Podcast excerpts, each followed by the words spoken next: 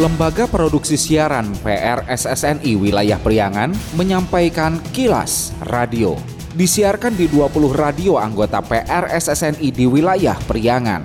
Dan kilas radio edisi kali ini di antaranya mengenai KPU Kota Banjar tetapkan ratusan DCS, puluhan bacaleg tak memenuhi syarat. Pertama di Indonesia, pertunjukan mapping projection show di air terjun.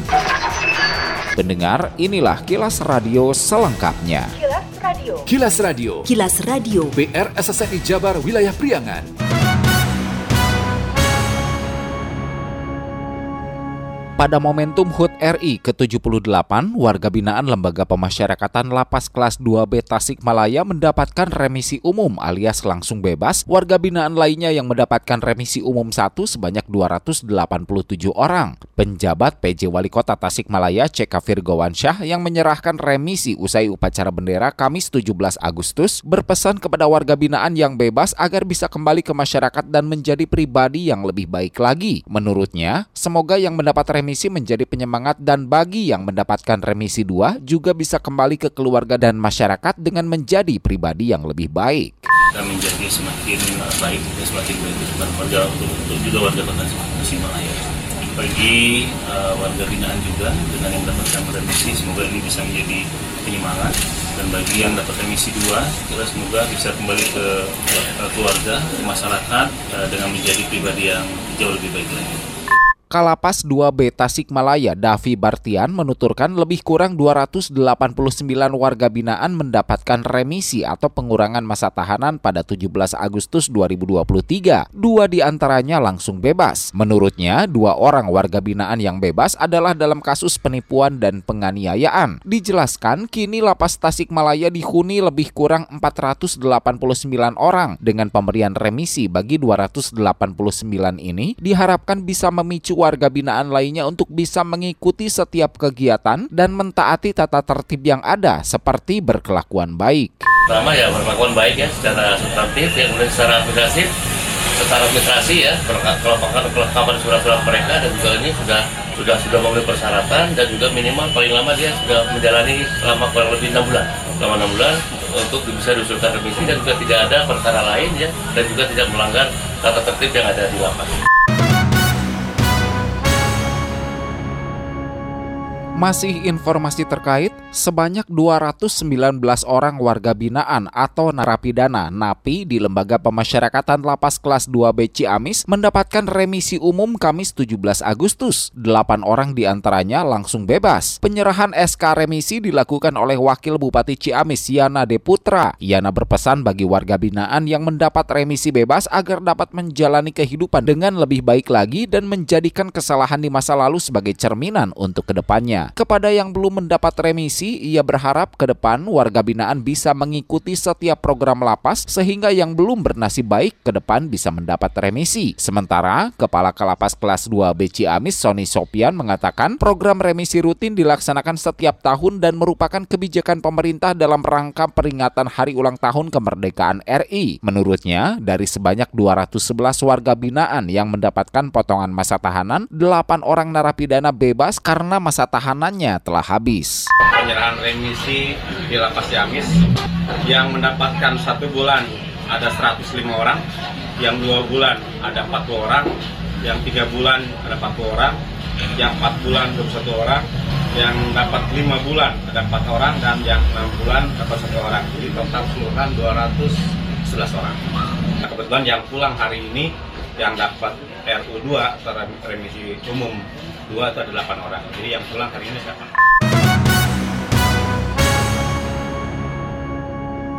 Info Pemilu Info Pemilu Persembahan PR SSNI Jawa Barat Komisi Pemilihan Umum KPU Kota Banjar menetapkan daftar calon sementara DCS bakal calon anggota legislatif Bacaleg DPRD Kota Banjar. Menurut Ketua KPU Dani Daniel Muklis, sebanyak 332 Bacaleg DPRD Kota Banjar masuk DCS yang diserahkan 14 parpol ke pihaknya. Daniel Jumat 18 Agustus menyebut dari 400 Bacaleg yang memenuhi syarat atau MS hanya 332 Bacaleg dan ada 44 Bacaleg yang tidak memenuhi syarat TMS. Dijelaskan, proses DCS merupakan gerbang awal untuk nanti kemudian dilakukan finalisasi untuk daftar calon anggota legislatif. Kalau kita coba analogikan, proses sekarang itu yang masuk di etape semifinal. Jadi sebelum nanti finalisasi DCT, maka DCS ini adalah gerbang awal untuk nanti kemudian dilakukan finalisasi untuk daftar calon anggota legislatif. Total semua 332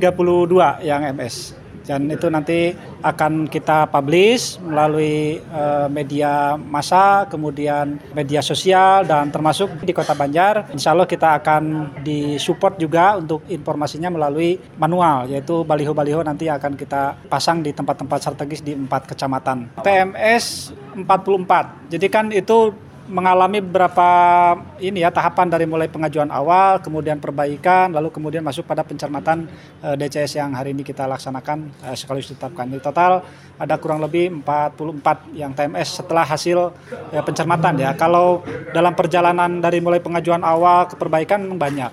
Hanya yang terakhir hasil pencermatan untuk masuk di penetapan DCS 44 yang TMS. Awalnya berapa berapa ratus itu Pak? Kurang lebih 400 bacalek.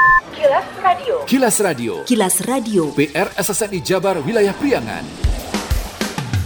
Bila Anda mendapatkan hal-hal atau peristiwa penting untuk diliput oleh tim Kilas Radio, hubungi hotline servis kami, SMS atau WA ke nomor 0813 2424 5911 0813 2424 5911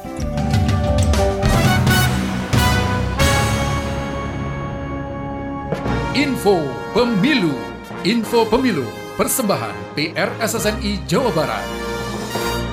Masih mengenai penetapan DCS kali ini dari kota Tasikmalaya. Komisi Pemilihan Umum KPU Kota Tasikmalaya menetapkan daftar calon sementara DCS anggota DPRD Kota Tasikmalaya untuk pemilu 2024 sebanyak 617 orang dari 17 parpol. Ketua KPU Kota Tasikmalaya Ade Zainul Mutakin mengatakan 617 orang bacaleg itu dinyatakan memenuhi syarat secara administratif setelah pada tahap sebelumnya KPU melakukan serangkaian tahapan verifikasi administrasi terhadap dokumen persyaratan melalui aplikasi Sistem Informasi Pencalonan Silon. Menurut Ade, jumlah itu berkurang dari jumlah pada tahap pendaftaran pengajuan bakal calon sebanyak 742 orang lantaran 125 bacaleg tidak memenuhi syarat administrasi. Ditambahkan, nama-nama dalam DCS akan diumumkan kepada publik mulai 19 hingga 23 Agustus 2023 untuk mendapat tanggapan dan masukan dari masyarakat.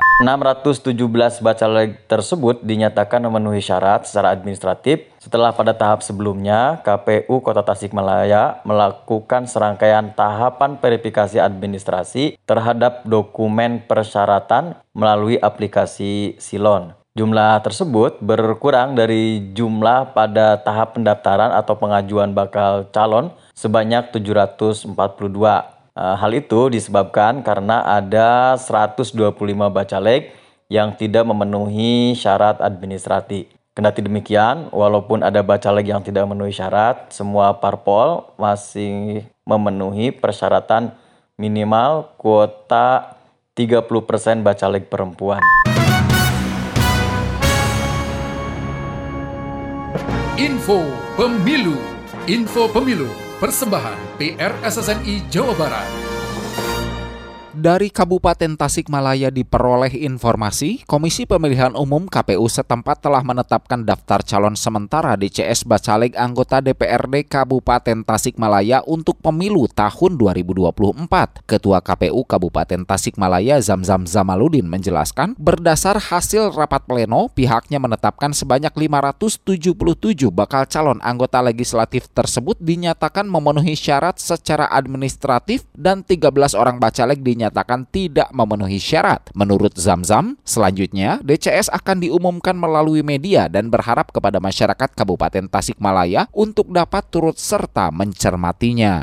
Sebanyak 577 bakal calon anggota legislatif dinyatakan memenuhi syarat secara administratif dan 13 orang bacaleg dinyatakan tidak memenuhi syarat. Ini berasal dari 17 partai politik yang ada di Kabupaten Tasikmalaya. Selanjutnya terhadap hasil putusan rapat pleno ini kami umumkan baik itu di media cetak, media elektronik, juga di website KPU Kabupaten Tasikmalaya sehingga masyarakat diharapkan dapat mengakses informasi tersebut. Selanjutnya atas pengumuman tersebut tentu kami sangat berharap kepada masyarakat Kabupaten Tasikmalaya untuk dapat turut serta mencermati dan mengamati dari para bakal calon tersebut sehingga apabila ada tanggapan-tanggapan ataupun masukan terhadap bakal calon tersebut dapat di, eh, disampaikan kepada KPU Kabupaten Tasikmalaya.